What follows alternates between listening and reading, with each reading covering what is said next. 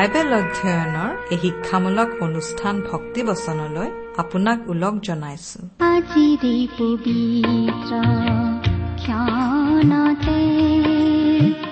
উজলি উঠা খ্ৰীষ্টৰ জ্যোতি। আজিৰে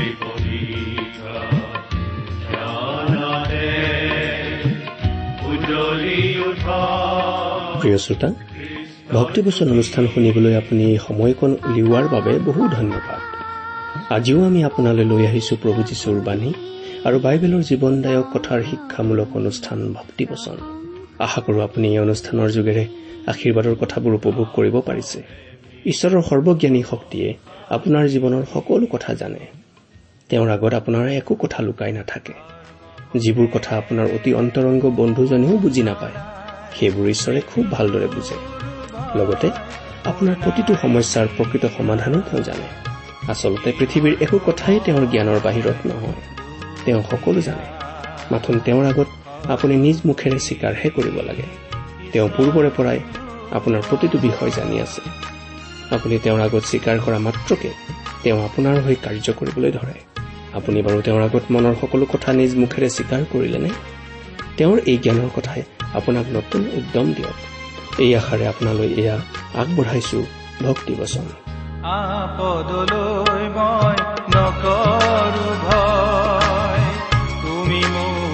কাষতে আছা। জীৱনৰ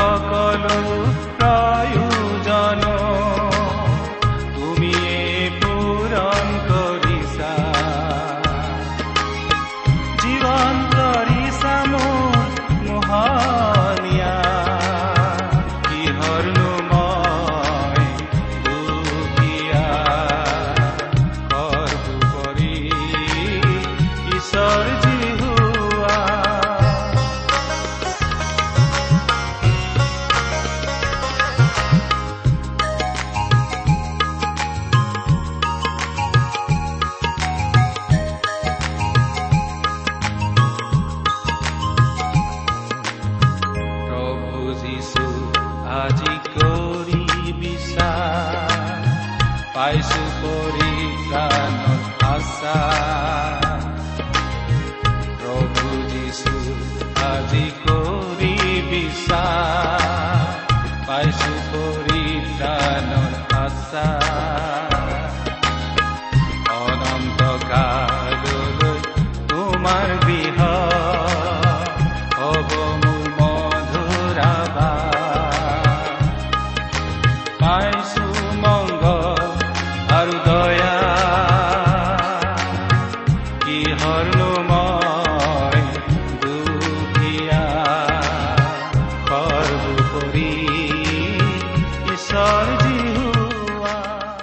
আমাৰ মহান ত্ৰাণকৰ্তা প্ৰভু যীশুখ্ৰীষ্টৰ নামত নমস্কাৰ প্ৰিয় শ্ৰোতা। আশা কৰো আপুনি আমাৰ এই ভক্তিবচন অনুষ্ঠানটো নিয়মিতভাৱে শুনি আছে। আপুনি বাৰু এই অনুষ্ঠান শুনি কেনে পাইছে? এই অনুষ্ঠান সম্বন্ধে আপোনাৰ মতামত আদি জনাই আমালৈ চিঠি পত্ৰ লিখিবচোন। আহকচোন আজিৰ বাইবেল অধ্যয়ন আৰম্ভ কৰাৰ আগতে আমি খন্তেক প্ৰাৰ্থনাত মূৰ্ণত কৰো হওক। স্বৰ্গত থকা অসীম দয়ালু কৰোণাময় পিতা তোমাৰ মহান বাক্য বাইবেল শাস্ত্ৰ অধ্যয়ন কৰিবলৈ আমি আগবাঢ়িছো। তোমাৰ বাক্য আমি বুজাই দিয়াটো দূৰৰেই কথা। আমি বুজিয়েই নাপাওঁ। যদিহে তুমি আমাক বুজাই নিদিয়া। প্ৰাৰ্থনা কৰিছো তুমি আমাৰ মাজত উপস্থিত থাকি তোমাৰ বাক্য আমাক বুজাই দিয়া। আমাৰ প্ৰয়োজন অনুসাৰে তুমি আমাক স্পষ্টভাৱে কথা কোৱা। কিয়নো এই প্ৰাৰ্থনা মহান ত্ৰাণকৰ্তা মৃত্যুঞ্জয় প্ৰভু যীশুখ্ৰীষ্টৰ নামত আগবঢ়াইছো।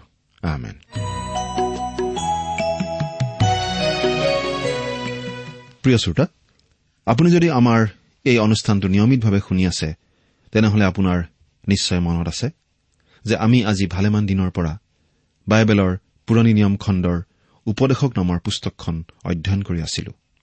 আৰু যদিহে আপুনি আমাৰ আগৰ অনুষ্ঠানটো শুনিছিল তেতিয়াহ'লে আমি তাত কি আলোচনা কৰিছিলো সেই কথাও নিশ্চয় আপোনাৰ মনত আছে। যোৱা অনুষ্ঠানত আমি এই উপদেশক নামৰ পুস্তকখনৰ এঘাৰ নম্বৰ অধ্যায় আৰু বাৰ নম্বৰ অধ্যায়ৰ চাৰি নম্বৰ পদলৈকে পঢ়ি আমাৰ আলোচনা আগবঢ়াইছিলো। এই উপদেশক পুস্তকখন এখন দাৰ্শনিক ভাৱৰ পুস্তক। ৰজা চলোমনে নিজৰ জীৱনৰ অভিজ্ঞতাৰ ভিত্তিত এই পুস্তকখন লিখিছে। নিজৰ জীৱনৰ সন্তুষ্টিৰ কাৰণে আত্মাৰ ক্ষুধা নিবাৰণৰ কাৰণে তেওঁ জীৱনত সকলো কৰি চাইছিল।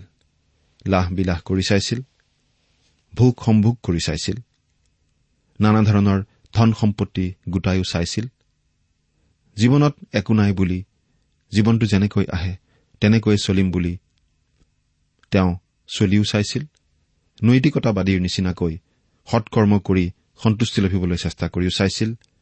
বিভিন্ন ধৰ্ম ব্যৱস্থা পালন কৰি সন্তুষ্টি লভিবলৈ চেষ্টা কৰিও চাইছিল। আৰু নানা ধৰণৰ উপায় অৱলম্বন কৰি তেওঁ চাইছিল। কিন্তু সেই সকলোৰে অন্তত তেওঁ বুজি পাইছিল যে সেই সকলোবোৰ অসাৰ। সেইকাৰণে তেওঁ কৈছে অসাৰ অসাৰ সকলো অসাৰ। তেওঁ কৈছে যে সূৰ্যৰ তলত এই পৃথিৱীত মানুহবোৰে এনেদৰে নিজক সন্তুষ্ট কৰিবলৈ সুখ লাভ কৰিবলৈ এই যি পন্থাবোৰ অৱলম্বন কৰে এইবোৰে মানুহক কেতিয়াও সুখ দিব নোৱাৰে। গোটেই জীৱনটোৱেই অসাৰ। আৰু সেইবাবে ৰজা চলোমনে উপদেশ দিছে যে বৃদ্ধকাল অহাৰ আগতেই আমি আমাৰ জীৱন ঈশ্বৰৰ হাতত গতাই দিব লাগে। তেওঁ এই সিদ্ধান্তলৈ আহিছে গোটেই জীৱনজোৰা অভিজ্ঞতাৰ আধাৰত। অৰ্থাৎ মানুহে নিজৰ প্ৰচেষ্টাৰে যে কেতিয়াও সুখ শান্তি লাভ কৰিব নোৱাৰে একমাত্ৰ ঈশ্বৰক নিজৰ জীৱন গতাই দিয়াৰ যোগেৰে ঈশ্বৰত ভৰসা কৰি চলিহে মানুহে যে সুখ শান্তি লাভ কৰিব পাৰে সেই কথাটো তেওঁ বুজি পাইছে। তেওঁ বাৰ নম্বৰ অধ্যায়ত এই কথা কৈছে আৰু মানুহৰ বৃদ্ধকালৰ এটা কাব্যিক বৰ্ণনা দাঙি ধৰিছে। বুঢ়া হলে বৃদ্ধকালত মানুহৰ শৰীৰৰ অৱস্থা কি হয় সেই অৱস্থাৰ বৰ সুন্দৰ বৰ্ণনা তেওঁ দিছে। ইতিমধ্যে আমি এই বাৰ নম্বৰ অধ্যায়ৰ প্ৰথম পদ চাৰিটাত মানুহৰ শৰীৰৰ এই বৃদ্ধকালত হোৱা অৱস্থাৰ বিষয়ে কিছু কথা পঢ়িলো। আজি আমি এই বাৰ নম্বৰ অধ্যায়ৰ পাঁচ নম্বৰ পদৰ পৰা আমাৰ আলোচনা আৰম্ভ কৰিব খুজিছো। আজিৰ অনুষ্ঠানতেই আমি বাৰ নম্বৰ অধ্যায়ৰ বাকী থকা পদকেইটা আলোচনা কৰিম আৰু যিহেতু এই বাৰ নম্বৰ অধ্যায়টোৱেই উপদেশক পুস্তকখনৰ শেষ অধ্যায় গতিকে আজিৰ অনুষ্ঠানতেই আমি এই উপদেশক পুস্তকখনৰ অধ্যয়নৰ সামৰণি মাৰিম বুলি কৈছো। যি কি নহওক এতিয়া আমি বাৰ নম্বৰ অধ্যায়ৰ পাঁচ নম্বৰ পদৰ পৰা আলোচনা আৰম্ভ কৰো। আমি বাইবেলৰ পৰা পাঠ কৰি দিম। যদিহে আপোনাৰ লগত বাইবেল আছে অনুগ্ৰহ কৰি চাই যাব। আৰু যদিহে নাই অনুগ্ৰহ কৰি মন দি শুনিব। পাঠ কৰি দিছো। উপদেশক বাৰ নম্বৰ অধ্যায় পাঁচ নম্বৰ পদ। সূৰ্য আৰু তাৰ দীপ্তি চন্দ্ৰ আৰু তৰাবোৰ অন্ধকাৰময় হোৱা আৰু বৰষুণৰ পাছত পুনৰাই ডাৱৰ কৰা এনে কাল নৌ আহোঁতেই। সূৰ্য তাৰ দীপ্তি চন্দ্ৰ আৰু তৰাবোৰ অন্ধকাৰময় হোৱা মানে কি বাৰু? সঁচাকৈ তেনেকুৱা হ'ব নেকি বাৰু? নাই আচলতে ইয়াত বৃদ্ধকালৰ অৱস্থা বৰ্ণনা কৰা হৈছে। বৃদ্ধ অৱস্থা পালে আমি আগৰ নিচিনাকৈ দেখা নোপোৱা হ'ম। আমাৰ দৃষ্টিশক্তি কমি যাব। আনকি আগতে ভাল লগা ৰং বিৰঙৰ সুন্দৰ বস্তুবোৰো ভাল নলগা হ'ব। জীৱনৰ ৰঙীনতা কমি যাব। আমি আকাশৰ তৰা চন্দ্ৰ সূৰ্য আদিও কিজানি মনিব নোৱাৰা হ'ম।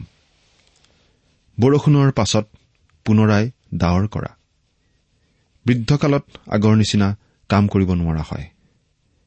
এদিন কাম কৰিলেই চাৰিদিন জিৰণি ল'ব লগা হয়। মুঠতে অনাবৰত বৰষুণ আহি থাকিলে যেনেকুৱা লাগে তেনেকুৱা অভিজ্ঞতা হয়। যেন ফৰকাল বতৰ কেতিয়াও নহ'ব।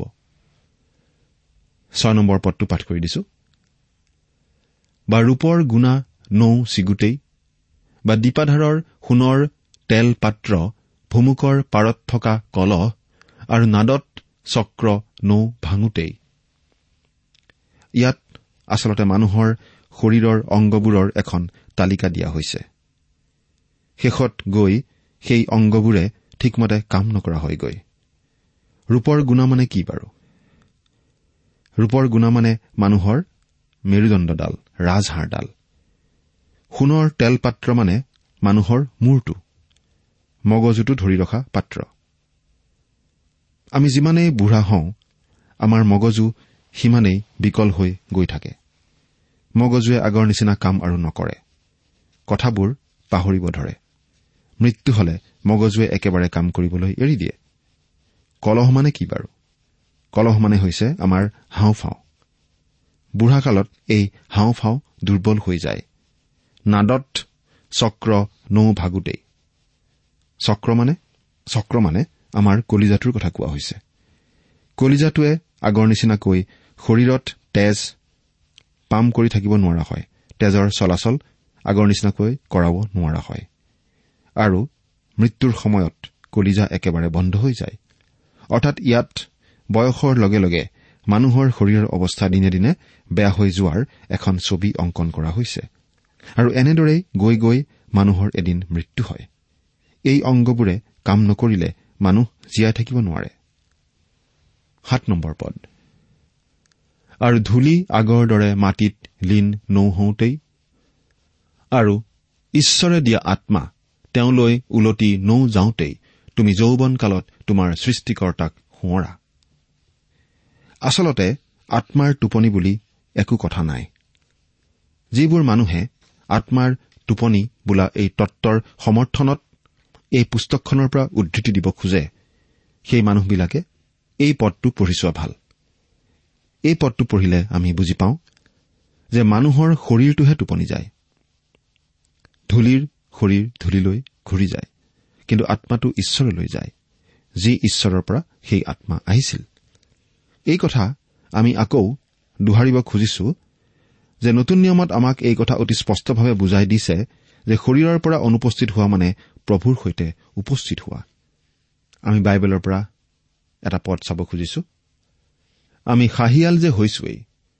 শৰীৰৰ পৰা দূৰত প্ৰবাস আৰু প্ৰভুৰ লগত নিবাস কৰাও ভাল দেখিছো। দ্বিতীয় কৰিন্ঠিয়া পাঁচ অধ্যায় আঠ নম্বৰ পদ। অৰ্থাৎ আত্মাটো মৃত্যুৰ সময়ত লগে লগে ঈশ্বৰলৈ যায়গৈ। আমি শৰীৰৰ পৰা আঁতৰি ঈশ্বৰৰ ওচৰলৈ যাওঁগৈ। এই শৰীৰটো আমি বাস কৰা এটা তম্বুৰ নিচিনা মাত্ৰ। এটা বাহ্যিক আৱৰণৰ নিচিনা মাত্ৰ। ভিতৰত থকা আচল মানুহজন হৈছে আত্মা আৰু সেই আত্মা ঈশ্বৰলৈ গুচি যায়গৈ। এজন ৰাষ্ট্ৰপতিক বৃদ্ধ অৱস্থাত কোনোবাই এইবুলি প্ৰশ্ন কৰিছিল। মহাশয় আপুনি ভালে আছেনে? সেই প্ৰশ্নৰ উত্তৰত ৰাষ্ট্ৰপতিজনে এনেদৰে কৈছিল এৰা মই বেছ ভালেই আছো। কেৱল মই বাস কৰা এই পাৰ্থিৱ ঘৰটোহে বৰ দুৰ্বল হৈ আহিছে। মই কিজানি এই ঘৰটো সোনকালেই পৰিত্যাগ কৰিব লাগিব। আৰু সেইটো সঁচা প্ৰমাণিত হৈছিল। তেওঁ কিছুদিন পাছতেই সেই পাৰ্থিৱ টম্পু এৰি থৈ গৈছিল। আমাৰ সেই অৱস্থা আহিবই। অৰ্থাৎ আমি বৃদ্ধ হৈ পৰিমেই। আৰু এদিন আমাৰ সকলোৰে মৃত্যু হবই। সকলো মানুহৰে সেই অৱস্থা এদিন হবই। আৰু সেই বৃদ্ধ অৱস্থা পালে। কোনেও বাস্তৱভাৱে আৰু অৰ্থপূৰ্ণভাৱে নিজৰ সৃষ্টিকৰ্তা ঈশ্বৰক সোঁৱৰণ কৰিব নোৱাৰে। সেয়েহে উপদেশকে যুৱক যুৱতীসকলক উপদেশ দি কৈছে যে তেওঁলোকৰ জীৱনত এই অন্তিম আৰু অচল অৱস্থা আহি পোৱাৰ পূৰ্বেই তেওঁলোকে তেওঁলোকৰ সৃষ্টিকৰ্তা ঈশ্বৰক সোঁৱৰণ কৰাৰ সিদ্ধান্তটো ল'ব লাগে। প্ৰকৃতিৰ জ্ঞান বিজ্ঞানৰ জ্ঞান জ্ঞানবাদ দৰ্শনবাদ লাহ বিলাহ প্ৰাচুৰ্যতা মুক্ত জীৱন ধৰ্ম ব্যৱস্থা ধন দৌলত আৰু নৈতিক জীৱনৰ মাজেৰে যিহেতু জীৱনৰ সন্তুষ্টি লাভ কৰা নাযায়। এইবোৰ যিহেতু অসাৰৰ অসাৰ সকলো অসাৰ সেয়ে মানুহৰ জীৱনৰ অন্তিম আৰু অচল অৱস্থাটো আহি পোৱাৰ পূৰ্বেই সকলো মানুহে যৌৱন কালতেই নিজ নিজ সৃষ্টিকৰ্তা ঈশ্বৰক সোঁৱৰিব লাগে। সেইটোৰ বাহিৰে উপদেশকে কৈছে যে অসাৰ অসাৰ সকলোৱেই অসাৰ। এতিয়া আঠ নম্বৰ পদটো পাঠ কৰি দিম। উপদেশকে কৈছে অসাৰ অসাৰ সকলোৱেই অসাৰ। এৰা ডেকা ল'ৰা জীৱনটো অসাৰ। যদিহে এই জীৱনটো আমি কেৱল বৰ্তমান কালটোৰ কথা ভাবি জীয়াই আছো তেনেহলে জীৱনটো অসাৰ। এদিন আমি দেখিবলৈ পাম যে আমাৰ হাতৰ মুঠিত এমুঠা ছাই মাত্ৰ আছেগৈ আৰু আমাৰ সন্মুখত থাকিব অনন্তকাল। সেই অনন্তকালৰ বাবে নিজকে সাজু কৰিবলৈ আমি যৌৱন কালতেই আমাৰ সৃষ্টিকৰ্তাক সোঁৱৰণ কৰিব লাগে। গীত ৰচকে এনেদৰে কৈছে গীতমালা নব্বৈ নম্বৰ গীতৰ বাৰ নম্বৰ পদ পাঠ কৰি দিম শুনিবচোন। আমি জ্ঞানৰ অন্তঃকৰণ লাভ কৰিব পৰাকৈ আমাৰ আয়ুসৰ কাল গণনা কৰিবলৈ শিক্ষা দিয়া। এৰা সেই জ্ঞান বা প্ৰজ্ঞাৰ বিষয়টো হৈছে প্ৰভু যীশুখ্ৰীষ্ট। আমাৰ আয়ুসৰ কাল কিমান আমি কোনেও নাজানো। কিমান দিন আমি এই পৃথিৱীত জীয়াই থাকিম আমি কোনেও ক'ব নোৱাৰো। গতিকে আমাৰ হাতত সময় থাকোঁতেই আমি এই জীৱন ঈশ্বৰৰ হাতত সমৰ্পণ কৰা উচিত নহয়নে বাৰু? এতিয়া ন নম্বৰ পদৰ পৰা এঘাৰ নম্বৰ পদত আমাক কোৱা হৈছে যে আমি অতীতকালৰ প্ৰজ্ঞাক অৱজ্ঞা কৰিব নালাগে আৰু সেইবোৰ শিকাৰ পৰা বঞ্চিত হ'ব নালাগে। কিন্তু বাৰ নম্বৰ পদত কোৱা হৈছে যে কোনো ধৰণৰ শিক্ষা দীক্ষাই আমাৰ জীৱনৰ সমস্যা খণ্ডন নকৰে। এই অধ্যায়ৰ শেষৰ পদ দুটাত অৰ্থাৎ তেৰ আৰু চৈধ্য নম্বৰ পদ দুটাত আমি পাওঁ সকলোবিলাক পৰীক্ষা নিৰীক্ষাৰ ফলাফল। আৰু ফলাফলটো কি? সূৰ্যৰ তলত সকলো বিষয়ত চেষ্টা কৰি চোৱাৰ পাছত ফলাফলটো হৈছে ঈশ্বৰলৈ ভয় ৰখা। যাৰ অৰ্থ হৈছে তেওঁক ভয় ভক্তি কৰি তেওঁৰ আৰাধনা কৰা আৰু তেওঁৰ বাধ্য হৈ চলা। কিয়নো এয়েই মানুহৰ সকলো কৰ্তব্য কৰ্ম। কাৰণ ঈশ্বৰে ভাল কি বেয়া আটাইবোৰ গুপুত বিষয়ৰ সৈতে সকলো কৰ্ম বিচাৰ স্থানলৈ আনিব। আমি পদকেইটা পাঠ কৰি দিম এটা এটাকৈ। বাৰ নম্বৰ পদটো পঢ়ি দিছো। তদুপৰি হে মোৰ বোপা তুমি সতৰ্ক হোৱা। বহু পুথি ৰচনাৰ শেষ নহয় আৰু অধিক অধ্যয়নে শৰীৰ ক্লান্ত কৰে। এৰা প্ৰিয় শ্ৰোতা অতি পৰিষ্কাৰভাৱে অতি স্পষ্টভাৱে ইয়াত কথাখিনি কোৱা হৈছে। এই কথাকে লৈ নানান তৰ্ক বিতৰ্ক জ্ঞান বিজ্ঞানৰ কথা আলোচনা কৰি একো লাভ নাই। অৰ্থাৎ মানুহৰ জীৱনৰ সন্তুষ্টি ক'ত পোৱা যায়? আমি কেনেদৰে জীৱন কটাব লাগে? বা ঈশ্বৰেনো আমাক কেনেদৰে পৰিত্ৰাণ দিয়ে? ইত্যাদি কথাক লৈ তৰ্ক বিতৰ্ক কৰিও আচলতে লাভ নাই। নানান জ্ঞানে জীৱনৰ সমস্যা দূৰ নকৰে। বহুত কিতাপ পঢ়িও একো লাভ নাই। যদিহে আমি ঈশ্বৰক আমাৰ জীৱন সঁপি দিবলৈ নিশিকো। সেয়েহে আমি কিমান কথা জানো কিমান কথা বুজো সেইটো ডাঙৰ কথা নহয়। আনকি এই উপদেশক পুস্তকখনৰ যোগেৰে আমি যিমানবিলাক কথা পালো উপদেশকৰ জীৱনৰ অভিজ্ঞতাৰ পৰা যিমানখিনি কথা বুজিলো সেইবোৰৰ পৰাও একো লাভ নাই। যদিহে আমি কৰিব লগা কামটো নকৰো যদিহে আমি ঈশ্বৰক আমাৰ জীৱন সঁপি নিদিওঁ। এতিয়া আমি পাম। চলোমনৰ সকলোবোৰ পৰীক্ষা নিৰীক্ষাৰ অন্তত তেওঁ যি বুজি পাইছিল তাৰ ভিত্তিত তেওঁ আগবঢ়োৱা মূল উপদেশ। পদ। পদটি পঢ়ি দিম মন দি শুনিবচোন। আহা আমি সকলোৰে সাৰ কথা শুনো। ঈশ্বৰলৈ ভয় ৰাখা আৰু তেওঁৰ আজ্ঞাবিলাক পালন কৰা। কিয়নো এয়েই মানুহৰ সকলো কৰ্তব্য কৰ্ম চলোমনে কৈছে যে এতিয়া তেওঁ আচল সাৰ কথাটো কৈছে। সাৰ কথা মানে মূল কথা সকলোতকৈ প্ৰয়োজনীয় কথা সকলো কথাৰ ভিতৰত গুৰুত্বপূৰ্ণ কথা। ইয়াৰ আগলৈকে ৰজা চলোমনে যিমানবিলাক কথা কলে সেই সকলো কথাৰ ভিতৰত এই কথাটো সকলোতকৈ দৰকাৰী কথা। আৰু কথাটো কি? তেওঁ কৈছে ঈশ্বৰলৈ ভয় ৰাখা। এইটোৱেই আচলতে হেতুপদেশ পুস্তকখনৰো মূল বক্তব্য আছিল। আৰু এই উপদেশক পুস্তকখনৰো এইটোৱেই মূল বক্তব্য বুলি আমি এতিয়া বুজি পালো। এই সূৰ্যৰ তলত কৰা এই পৃথিৱীৰ মানুহবিলাকৰ মাজত কৰা নানান পৰীক্ষা নিৰীক্ষাৰ অন্তত ৰজা চলোমন এই সিদ্ধান্তলৈ আহিছিল যে ঈশ্বৰলৈ ভয় ৰাখা। ঈশ্বৰলৈ ভয় ৰাখা মানে তেওঁক শ্ৰদ্ধা জনোৱা তেওঁক উপাসনা কৰা আৰু তেওঁৰ প্ৰতি বাধ্য হোৱা। আৰু তেওঁৰ আজ্ঞাবিলাক পালন কৰা। মূল কথা হৈছে ঈশ্বৰলৈ ভয় ৰাখা আৰু তেওঁৰ আজ্ঞাবিলাক পালন কৰা। যদিহে আমি ঈশ্বৰলৈ ভয় ৰাখিছো বুলি কওঁ তেতিয়াহ'লে আমি ঈশ্বৰৰ আজ্ঞাবিলাকো পালন কৰিবলৈ নিশ্চয় আগবাঢ়িম। কিন্তু ঈশ্বৰৰ আজ্ঞাবিলাক পালন কৰা বুলি কোৱাৰ লগে লগে আমাৰ এটা ভুল ধাৰণা হ'ব পাৰে। আমি এই কথা ভুল বুজিব নালাগে যে আমি বিভিন্ন ধৰণৰ বিধি বিধান পালন কৰি পৰিত্ৰাণ লাভ কৰো। নাই ইয়াত আচলতে এইটো কথা আমাক শিকোৱা হোৱা নাই। পৰিত্ৰাণ আমি কেনেকৈ লাভ কৰো সেই বিষয়ে অতি পৰিষ্কাৰভাৱে বাইবেলত আমাক বুজাই দিয়া হৈছে। আমি পৰিত্ৰাণ লাভ কৰো ঈশ্বৰৰ অনুগ্ৰহত। যি পৰিত্ৰাণ লাভ কৰাৰ আমি কোনো মানুহেই উপযুক্ত নহয়। আমি পাপী মানুহ ঘীনলগীয়া মানুহ আমি আচলতে নৰকলৈ যোৱাৰহে উপযুক্ত। পৰিত্ৰাণ পোৱাৰ উপযুক্ত নহয়। কিন্তু ঈশ্বৰে আমাক অনুগ্ৰহ কৰিলে আৰু অনুগ্ৰহ কৰাৰ কাৰণেই আমি পৰিত্ৰাণ পাবলৈ আমালৈ পৰিত্ৰাণ প্ৰস্তুত কৰি সেই পৰিত্ৰাণ বিনামূল্যে আমালৈ আগবঢ়ালে। সেই পৰিত্ৰাণ আমি কোনো বিধি বিধান পালন কৰি আজ্ঞা পালন কৰি উপাৰ্জন কৰি ঈশ্বৰৰ পৰা আনিব নোৱাৰো। পৰিত্ৰাণ একমাত্ৰ ঈশ্বৰৰ অনুগ্ৰহত আমি পাওঁ। আৰু সেই কথা বিশ্বাস কৰাৰ যোগেৰে সেই পৰিত্ৰাণ আমি গ্ৰহণ কৰো। অৰ্থাৎ অনুগ্ৰহেৰে বিশ্বাসৰ দ্বাৰাই আমি পৰিত্ৰাণ পাওঁ। সেই কথাটো আমি বাইবেলত অতি স্পষ্ট ৰূপত পাইছো।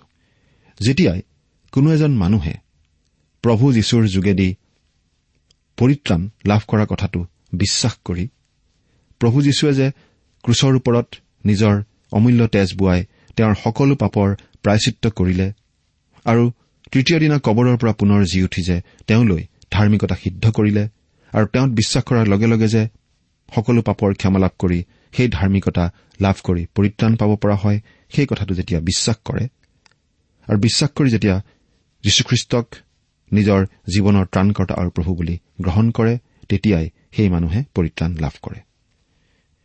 কিন্তু তাৰ মানে আমাক এই বুলি কোৱা হোৱা নাই যে পৰিত্ৰাণ পোৱা লোক হিচাপে আমি যি খুচি তাকে কৰি চলি থাকিম। নাই। আমাক পৰিত্ৰাণ পোৱা লোক হিচাপে পৰিত্ৰাণৰ যোগ্য আচৰণ কৰিহে চলিবলৈ কোৱা হৈছে। বিভিন্ন আজ্ঞাসমূহ মানি চলিবলৈ কোৱা হৈছে। আমি যে পৰিত্ৰাণ পোৱা লোক তাৰ প্ৰমাণ হ'ব আমি কেনেদৰে চলো? তাৰ যোগেদি। যদিহে আমি পৰিত্ৰাণ পোৱা লোক তেন্তে ঈশ্বৰক ভয় কৰি ঈশ্বৰক সন্তুষ্ট কৰি চলিবলৈ আমি তেওঁৰ আজ্ঞাবোৰ পালন কৰি চলিম। আৰু আনকি তেনেদৰে চলিবলৈকো ঈশ্বৰেই আমাক শক্তি যোগায়। কিন্তু এটা কথা এইখিনিতে আমি পাহৰি যোৱা উচিত নহ'ব যে পৰিত্ৰাণ লাভ কৰিবলৈ হলে আমি ঈশ্বৰৰ অন্তত এটা আজ্ঞা পালন কৰিবই লাগিব। সেই আজ্ঞাটোনো বাৰু কি? বাইবেলৰ পৰা পাঠ কৰি দিছো। তাত এনেদৰে আমি পাওঁ। প্ৰভু যীশুত বিশ্বাস কৰা তেহে তুমি আৰু তোমাৰ ঘৰৰ সকলোৱে পৰিত্ৰাণ পাবা। পাচনি কৰ্ম ষোল্ল অধ্যায় একত্ৰিশ পদ। অৰ্থাৎ প্ৰভু যীশুত বিশ্বাস কৰা বোলা যিটো আজ্ঞা সেই আজ্ঞাটো আমি পালন কৰিব লাগিবই। কাৰণ ঈশ্বৰে ভাল কি বেয়া আটাইবোৰ গুপুত বিষয়ে সৈতে সকলো কৰ্ম বিচাৰ স্থানলৈ আনিব। ঈশ্বৰে সকলো মানুহৰেই এদিন বিচাৰ কৰিব। কাৰণ সকলো মানুহ আচলতে পাপী আৰু ঈশ্বৰৰ দৃষ্টিত অপৰাধী। সেই বিচাৰ মতে আমি সকলোৱে দণ্ড পাব লাগে। মৃত্যুদণ্ড। সেই দণ্ড প্ৰভু যীশুখ্ৰীষ্টই আমাৰ হকে ললে ক্ৰুচৰ ওপৰত। যদিহে বিশ্বাসেৰে আমি আমাৰ পাপবোৰ খ্ৰীষ্টৰ ওপৰত অৰ্পণ নকৰো তেনেহলে আমি এদিন নিজে সেই পাপৰ বিচাৰৰ সন্মুখীন হ'ব লাগিব। কিন্তু যদিহে আমি প্ৰভু যীশুক বিশ্বাস কৰিছো তেওঁক ত্ৰাণকৰ্ত হিচাপে গ্ৰহণ কৰিছো তেতিয়াহ'লে আমাৰ আৰু সেই বিচাৰ নহয় কাৰণ সেই বিচাৰ আমাৰ ইতিমধ্যেই হৈ গ'ল। আৰু সেই বিচাৰৰ শাস্তি আমাৰ হৈ প্ৰভু যীশুৱে ক্ৰুচৰ ওপৰত ললে। যৌৱনকালতেই আমাক ঈশ্বৰৰ প্ৰতি বিশ্বাসী হবলৈ কোৱা হৈছে। কিয়? কাৰণ পৰিত্ৰাণ সম্পৰ্কে আমাৰ পৰিত্ৰাণ লাভ কৰাৰ সম্ভাৱনীয়তা বেছি। পৰিচৰ্যাৰ বিষয়ত আমি ঈশ্বৰলৈ কিবা নহয় কিবা পৰিচৰ্যা আগবঢ়োৱাৰ সুবিধাও পাম। এইটো দেখা যায় যে সাধাৰণতে ডেকা ডেকেৰীসকলেহে বেছিকৈ খ্ৰীষ্টত বিশ্বাস স্থাপন কৰে। তাৰ মানে এইটো নহয় যে বৃদ্ধ বৃদ্ধাসকলে খ্ৰীষ্টক গ্ৰহণ কৰি পৰিত্ৰাণ লাভ কৰিব নোৱাৰে। নাই পাৰে। নিশ্চয় পাৰে। আৰু বহুতো বৃদ্ধ বৃদ্ধায়ো খ্ৰীষ্টক জীৱনৰ ত্ৰাণকৰ্তা বুলি গ্ৰহণ কৰে। কিন্তু সিমান দেৰিলৈ অপেক্ষা কৰি থাকিব নালাগে কাৰণ কি নিশ্চয়তা আছে। চলোমনে বিশেষকৈ ডেকাসকলক ঈশ্বৰলৈ আহান জনোৱাৰ এটা মূল কাৰণ আছিল যে তেনে যুৱক যুৱতীৰ হাতত গোটেই জীৱনটো আছে ঈশ্বৰৰ সেৱাৰ বাবে আগবঢ়াবলৈ। বাইবেলত আমি এনেকুৱা বহুত উদাহৰণ পাওঁ যিসকলে ডেকা কালতে ঈশ্বৰলৈ ভয় ভক্তি ৰাখি ঈশ্বৰলৈ বহুত কিবা কিবি আগবঢ়াব পাৰিছিল। জোচেফ মুচি গিডিয়ন ডায়ুদ জিৰিমিয়া পাচনি পৌল তিমঠিয় ইত্যাদি ইত্যাদি তেনেকুৱা অনেক ডেকা ব্যক্তিৰ আমি উল্লেখ কৰিব পাৰো। ডেকা কালতেই খ্ৰীষ্টক গ্ৰহণ কৰি খ্ৰীষ্টৰ হকে কাম কৰি যোৱা অগণন মিছনেৰীৰ কথা ভাবি চাওকচোন। প্ৰিয় শ্ৰোতা জীৱনৰ প্ৰশ্নৰ উত্তৰ এই সূৰ্যৰ তলত নাই আছে মাত্ৰ খ্ৰীষ্টত। তেওঁৰ ওচৰলৈ আহক। তেওঁ কৈছে পিতৃয়ে মোক যি যি দিছে সেই সকলোৱে মোৰ ওচৰলৈ আহিব আৰু মোৰ ওচৰলৈ অহাজনক মই কোনোমতে বাহিৰ নকৰিম। তেওঁ আপোনাক আহান কৰি আছে। যদিহে আপুনি তেওঁৰ ওচৰলৈ আহে তেওঁ আপোনাক কেতিয়াও দলিয়াই নেপেলায়। তেওঁ আপোনাক আঁকোৱালি ল'ব আৰু আপোনাৰ জীৱন পৰিপূৰ্ণ কৰিব। সেই সিদ্ধান্ত আপুনি বাৰু গ্ৰহণ কৰিছেনে? ঈশ্বৰে আপোনাক আশীৰ্বাদ কৰক। আমেন। ইমান পৰে আপুনি ঈশ্বৰৰ বাক্যৰ পৰা শিক্ষা শুনিলে। এই বিষয়ে আপোনাৰ মতামত জানিবলৈ পালে আমি নথৈ আনন্দিত হ'ম। আমি প্ৰস্তুত কৰা বাইবেল অধ্যয়নৰ চিডিসমূহ পাব বিচাৰিলে আৰু অনুষ্ঠানত প্ৰচাৰ কৰা কোনো কথা বুজিব লগা থাকিলেও আমালৈ লিখক।